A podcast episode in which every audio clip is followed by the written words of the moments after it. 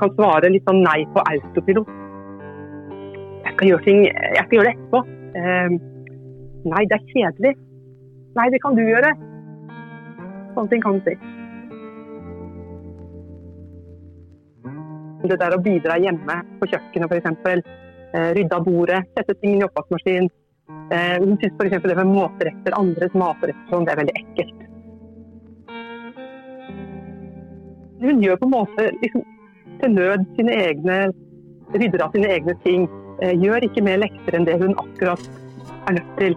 Um, Syns det er kjedelig. Jeg lurer jo mye på liksom, hvordan jeg skal få, det, få, få snudd det liksom, til å bli mer lystbetont. Hvordan skal vi klare å motivere henne til å gjøre det, som er helt, egentlig helt enkle ting. Um, men samtidig tenker jeg at det er jo ikke alt som er livsbetont. Noe er veldig kjedelig i livet. Og det er også viktig å prøve å lære, altså prøve å lære ungene å gjøre dette også.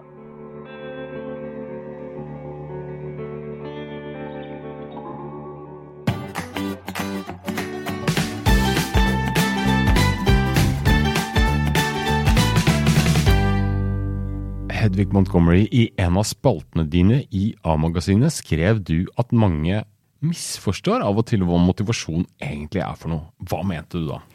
Jo, med det mener jeg at eh, det har vært en tid nå hvor vi har tenkt at hvis noen ting bare er gøy å gjøre, så vil det virke motiverende. Så det å lære seg f.eks. brøkk, hvis det bare gjøres på en morsom måte, eh, så vil motivasjonen komme. Men så ser vi at på resultatsiden kommer det faktisk ikke. Det eneste barna husker fra en morsom brøktime med kake, det er kaken. De husker ikke brøkregningen. Og derfor så blir de heller ikke noe spesielt motiverte. Det de derimot blir motiverte av, er å få til. Og det betyr at motivasjonen kommer med mestringen. Så det å få lov til å gå skritt for skritt inn i det som er vanskelig, og få til litt etter litt, da kommer også motivasjonen i takt med at du kjenner at dette kan jeg vokse med, dette kan jeg få til. Det betyr at læringen kommer før motivasjonen, ikke motsatt. Og det betyr også at når vi sier at barna ikke er motiverte, og derfor er det umulig å få til noen ting, så tar vi bort den muligheten til å motivere dem, nemlig ved å lære dem å vise at det går. Det er ganske vanlig, har jeg lest og hørt, å skille mellom ytre og indre motivasjon. Og det høres jo veldig fint ut, men hva, det, hva består den forskjellen i? Altså det som man tradisjonelt snakker om da, det er at noen ting gjør du fordi du bare har lyst til å gjøre det. F.eks. Eh, tegne fordi du får lyst til å tegne noen ting og se for deg hvordan det skal bli, og du går i gang. Eh, det kan være at du har lyst til å lese en bok, for du gleder deg til å lese den historien. Eller du har lyst til å bade og svømme og dykke fordi det er så deilig med vann mot kroppen og kjenne de svømmetakene. Da snakker vi om en indre motivasjon. Du en gjør, følelse, nærmest? Der, ja, du, du, rett og slett kjenner at uh, du bare går i gang og føler en veldig glede ved det. Mens ytre motivasjon er at noen prøver å få deg til å bade, f.eks. ved å si at vi drikker kakao etterpå. Noen vil uh, få deg til å tegne ved å si at uh, for etterpå så kan du bytte inn de tegningene i noen ting som du har lyst på. Altså rett og slett lager noe der ute og strekker seg etter som en slags belønning.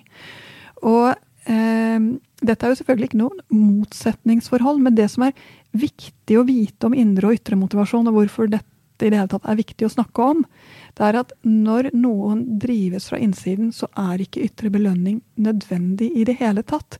Og ikke bare det, det kan til og med virke mot sin hensikt, nemlig at du begynner å slurve og ikke føler en ekte glede, for da gjør du det ikke fordi det gir deg glede, men fordi du skal få noen ting tilbake. Så belønning kan faktisk ta bort den indre, sterke urmotivasjonen, hvis vi skal kalle den for det. Og det er også det som gjør at det er viktig å kjenne til dette skillet mellom ytre og indre motivasjon. Så det det betyr for oss foreldre i praksis, det er at hvis barnet ditt gledes over å gjøre noen ting, ikke forstyrr det. Det er mm. det det betyr.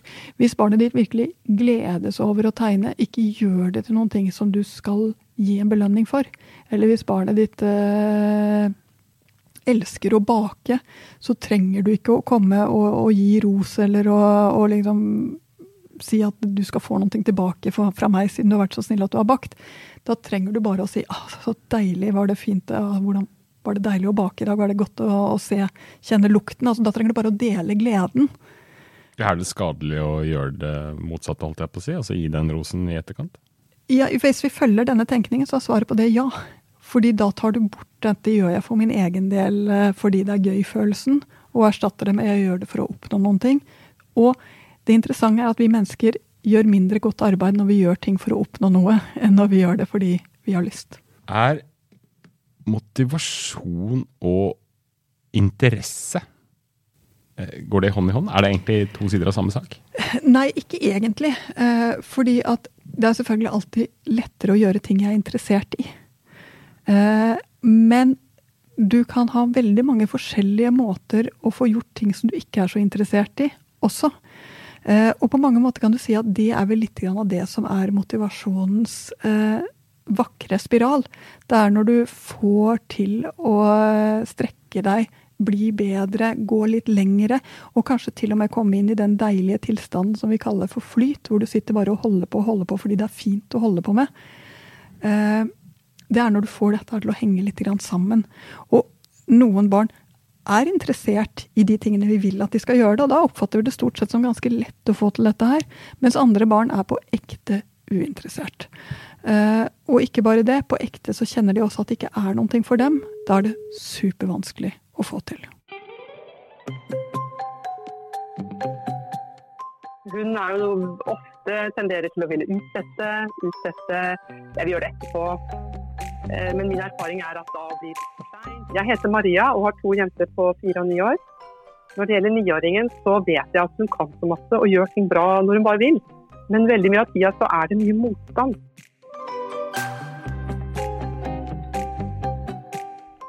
Det, I hverdagen så går det veldig mye på å holde orden på sine egne saker. Um, pakke treningstøy, pakke ut svømmebagen, henge opp klær, legge ting på plass. Veldig mye havner på gulvet, på en måte. Altså sekken, jakken, sko. Alt ligger strødd da, når du kommer hjem fra skolen f.eks.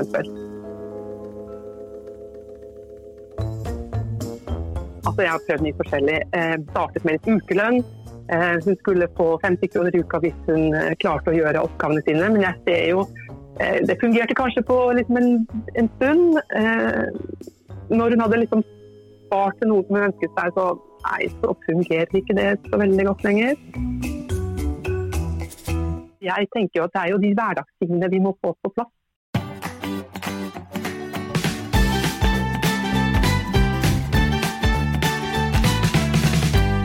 Ok, Vi får eksemplifisere litt, og naturlig nok er gjengangerproblemstilling i Facebook-gruppa vår Foreldrekoden kanskje særlig blant tenåringsforeldre, er at barna rett og slett ikke gidder. Hva er triksene for å få opp skolemotivasjonen hos, hos barn som ikke vil? Ja. Altså jeg tror vi egentlig har tre ting å spille på, og alle de tre er viktige. Og Den første det er at eh, det handler om å få til, altså legge læringen på riktig nivå. Er det altfor vanskelig, så er det ikke spesielt Eh, motiverende å holde på. Og er det altfor lett, så er det i hvert fall ikke motiverende å holde på. Så det å finne riktig nivå er noe av det som skolen og foreldrene hele tiden må justere seg inn mot. Lese bøker som er på passe vanskelighetsgrad. Øh, gjøre mattestykker som passer det du kan akkurat nå. Prøve seg litt frem. Og vite at mye av det som skjer når barna ikke gidder, handler om at det enten er altfor lett eller altfor vanskelig. Så den første delen handler rett og slett om er det mulig å mestre, og er det også noen ting å strekke seg etter. For det skal både være mulig å gjøre og noen ting å strekke seg etter for at skal, barn skal føle motivasjon ved det. Mm. Det er ikke så lett å tilpasse undervisningen til uh, helt på individnivå for alle, da? Det er ikke det, men samtidig så er det klart at du sitter jo med ett og ett alders, eh, en og en aldersgruppe. Eh, så du vet ganske mye om det i utgangspunktet. Og så må du vite at i den klassen så er det et spenn. Eh, og at de ikke nødvendigvis skal gjøre akkurat det samme til samme tid hele tiden. Så, så det er det ene, både for lærere og for foreldre. Det andre det er at barn trenger å kjenne at det er en tilhørighet i dette. Det er noe vits i. Det er noe vi gjør sammen. Så skolearbeid vi har jo en idé om at barna skal sitte inne på pulten sin og, og, gjøre dette på rommet sitt. Det gjør de stort sett ikke. De har lyst til å sitte i nærheten av deg. De har lyst til å gjøre det eh, sammen. Eh, og det betyr at kjøkkenbordet er der de fleste gjør leksene sine når alt kommer til stykket. Det er også noen ting med tilhørighet å vise at, eh, at, det å kunne dette, det betyr ting i vår familie. Jeg interesserer meg også for det. Altså rett og slett å koble seg på hele, hele, denne læringen. som er, er nyttig for at det skal kjennes bra ut for barna. Og det betyr også at er det, er det f.eks. matte, veldig mange av oss, meg selv inkludert, har f.eks. ikke helt med oss hvordan vi gjør det nå.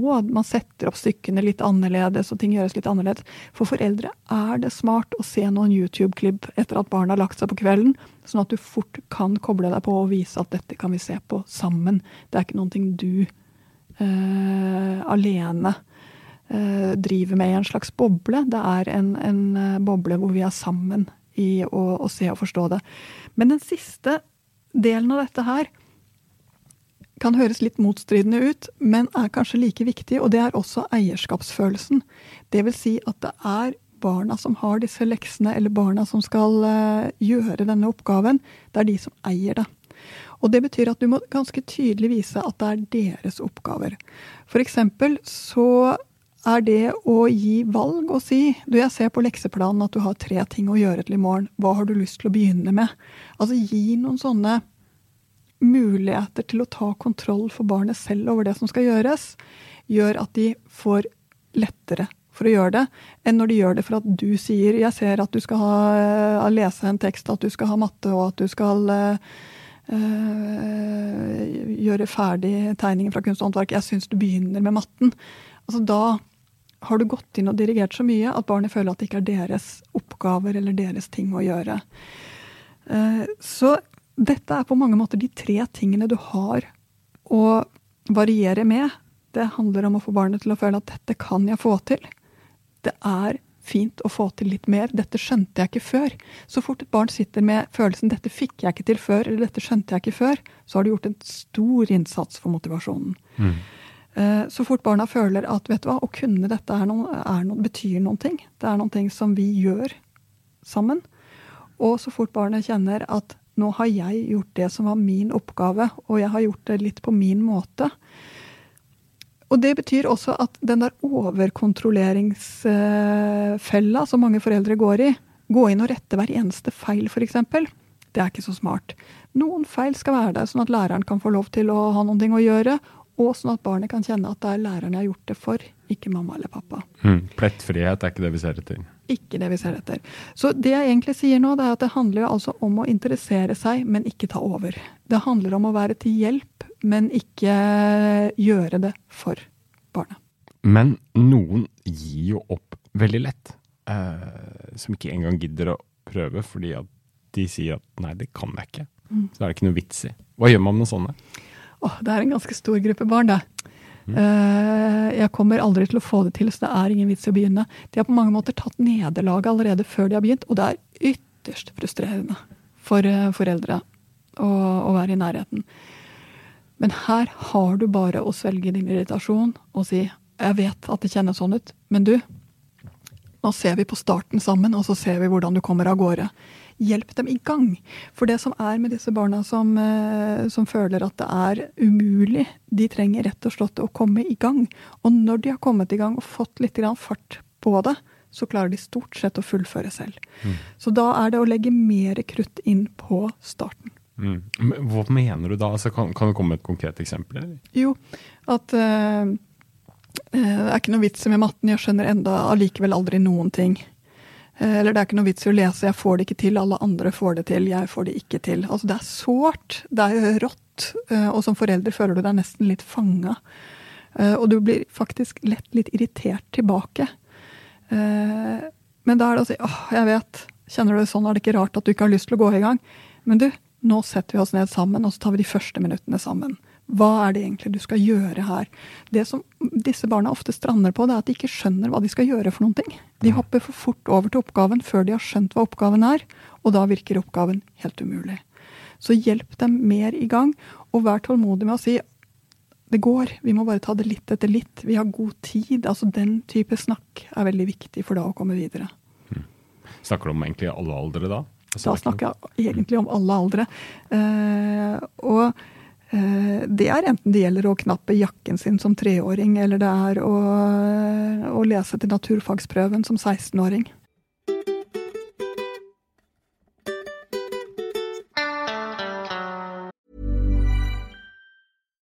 If you're looking for plump lips that last, you need to know about Juvederm lip fillers. With Juvederm Volbella XC and Juvederm Ultra XC, your lip look, whether it's subtle or bold, can last up to one full year with optimal treatment and no additional maintenance. Find a licensed specialist and see if it's right for you at juvederm.com today. That's J U V E D E R M.com. Add fullness to lips in adults over 21 with Juvederm Volbella XC or Juvederm Ultra XC. Do not use if you have severe allergies or a history of severe allergic reactions, or if you're allergic to lidocaine or the proteins used in Juvederm. Tell your doctor if you have a history of scarring or taking medicines that decrease the body's immune response or that can prolong bleeding. Common side effects include injection site redness, swelling, pain, tenderness, firmness, lumps, bumps, bruising, discoloration, or itching. As with all fillers, there's a rare risk of unintentional injection into a blood vessel, which can cause vision abnormalities, blindness, stroke, temporary scabs, or scarring. For full important safety information, visit juvederm.com.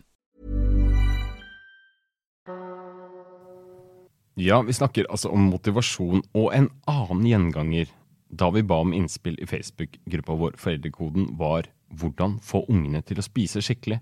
Smake på maten, prøve noe de ikke har prøvd før. Ikke bare gnåle etter uh, usle pølser og daffe fiskepinner og ihjelkokt pasta med smør og ketsjup. Altså, hvordan motivere de til å spise ordentlig? Ikke sant? Eh, jeg tror dessverre at jeg her må si som sant er, barn har ganske dårlig smak. Ja. Jevnt over. Veldig. Eh, både i hva de syns er pent, eh, hva de ler av, og hva de spiser. Den gode nyheten er at det går over. Og jeg har ikke noe bedre måte å si det på enn at jeg hadde noen år hvor jeg trodde jeg skulle besvime av å ha en, eh, et barn som bare ville spise fiskeboller og pasta. Eh, han kommer nå hjem til meg og lager søndagsmiddag, for han syns jeg er så elendig som kokk og aldri prøver noe nytt. Eh, mens han bruker ukene til å tråle spennende YouTube-klipp og oppskrifter for å kunne overraske med et eller annet som jeg aldri har vært i nærheten av å smake før. Han er voksen nå, får vi skyte inn. over. For å si det sånn, han er voksen nå. Eh, Jeg trøster meg litt med dette når jeg ser de barna jeg fortsatt har boende hjemme, og som er veldig konservative, hvis vi skal kalle det det, i hva de spiser for noen ting.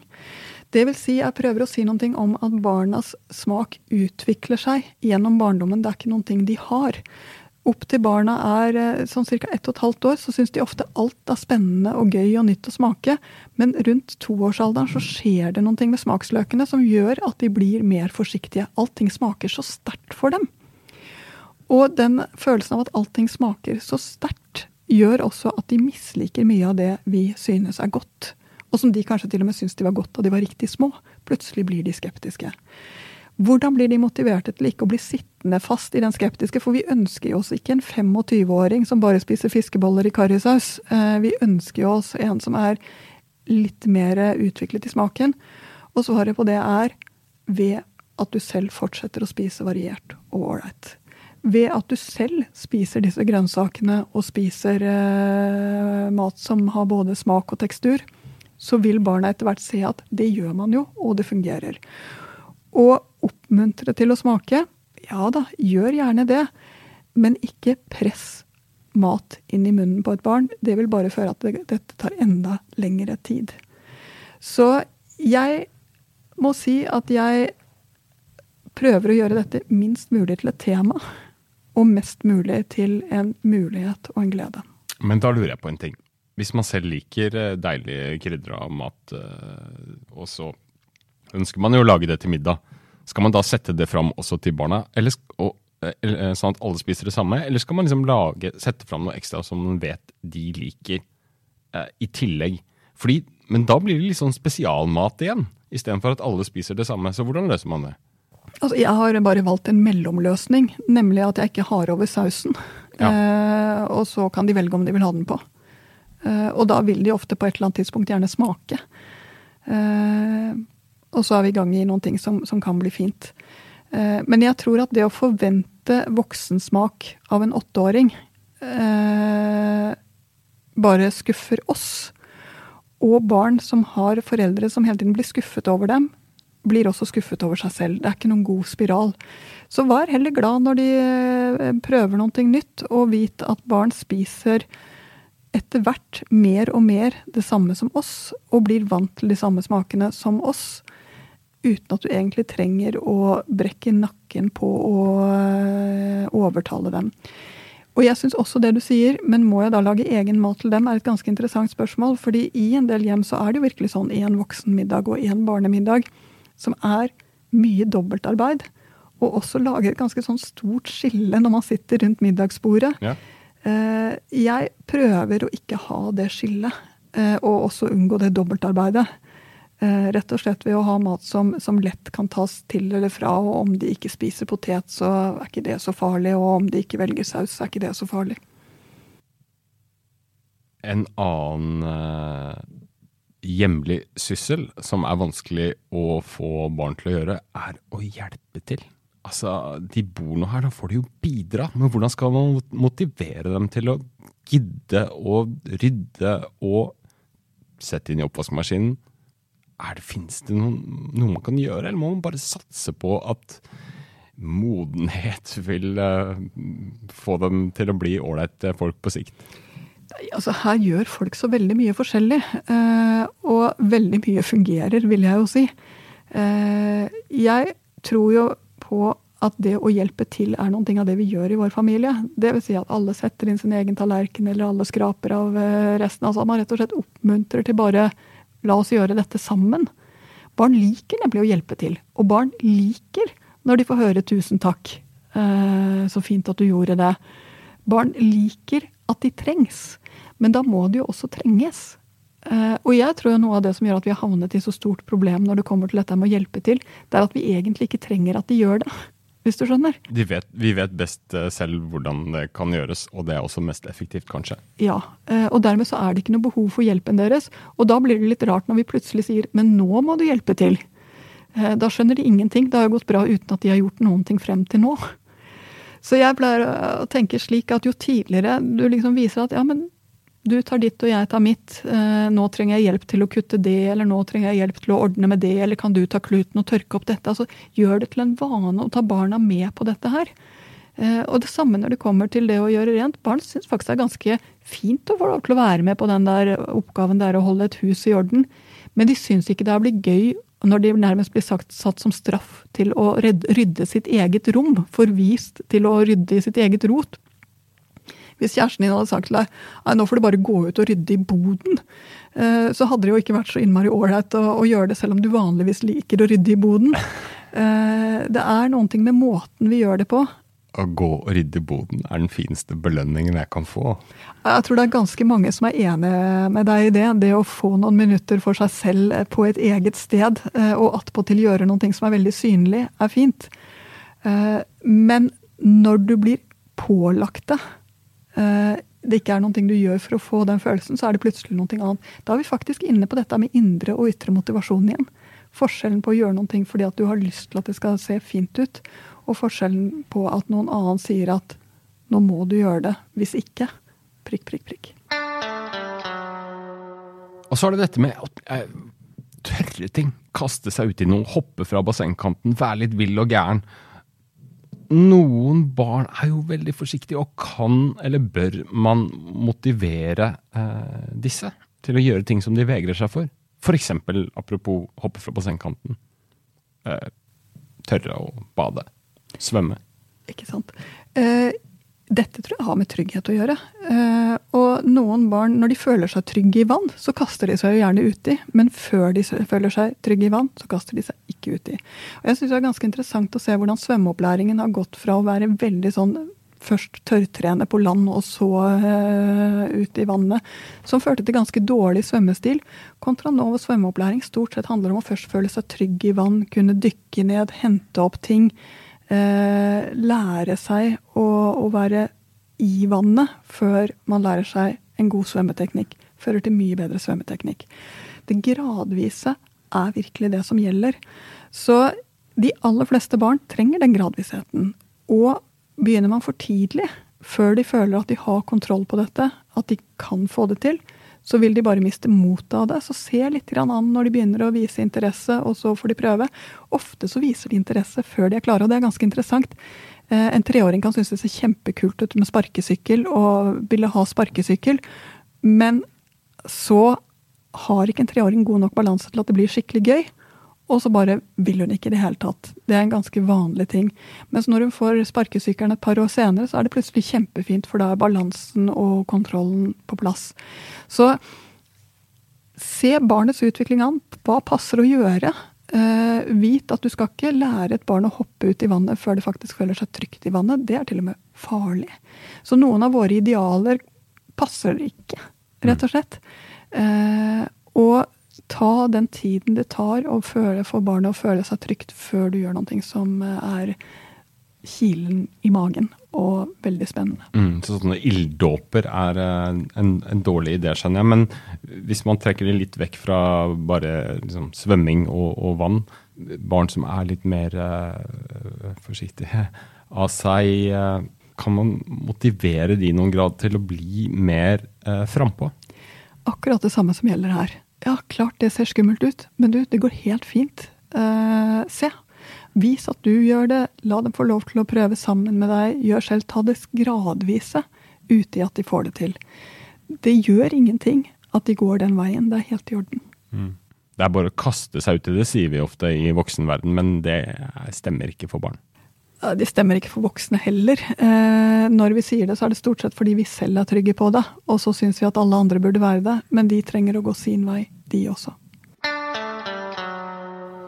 Ok, Vi har snakket om motivasjon i dag, og eh, Hedvig, hvis du skal trekke fram tre mm, gode tips, hva vil det være? Det ene er å huske på riktig nivå, altså at det er noe som barnet faktisk kan få til, og som er litt nytt, sånn at det kjennes gøy ut å få det til. Mestring betyr veldig mye for eh, motivasjon. Det andre er å huske på at sammen er det som får barn til å tikke og gå veldig langt opp i årene. Det at det er noen ting vi deler, gjør det absolutt verdt å gjøre. Og det tredje det er at barn trenger også å kjenne at de tar noen valg selv. Vil du hoppe derfra eller derfra? Vil du gjøre dette eller dette først? Gi avgrensede, konkrete valg som gjør at de kjenner ut som de også har vært med på å ta dette valget selv. Da får du mer av den indre motivasjonen. Hva bør man ikke gjøre? Det er jo så enkelt som at kjeft og straff aldri virker. Eh, og aldri vil føre til glede over å gjøre noe. Det var det vi hadde. Takk for at du hørte på. Takk for i dag. Ha det.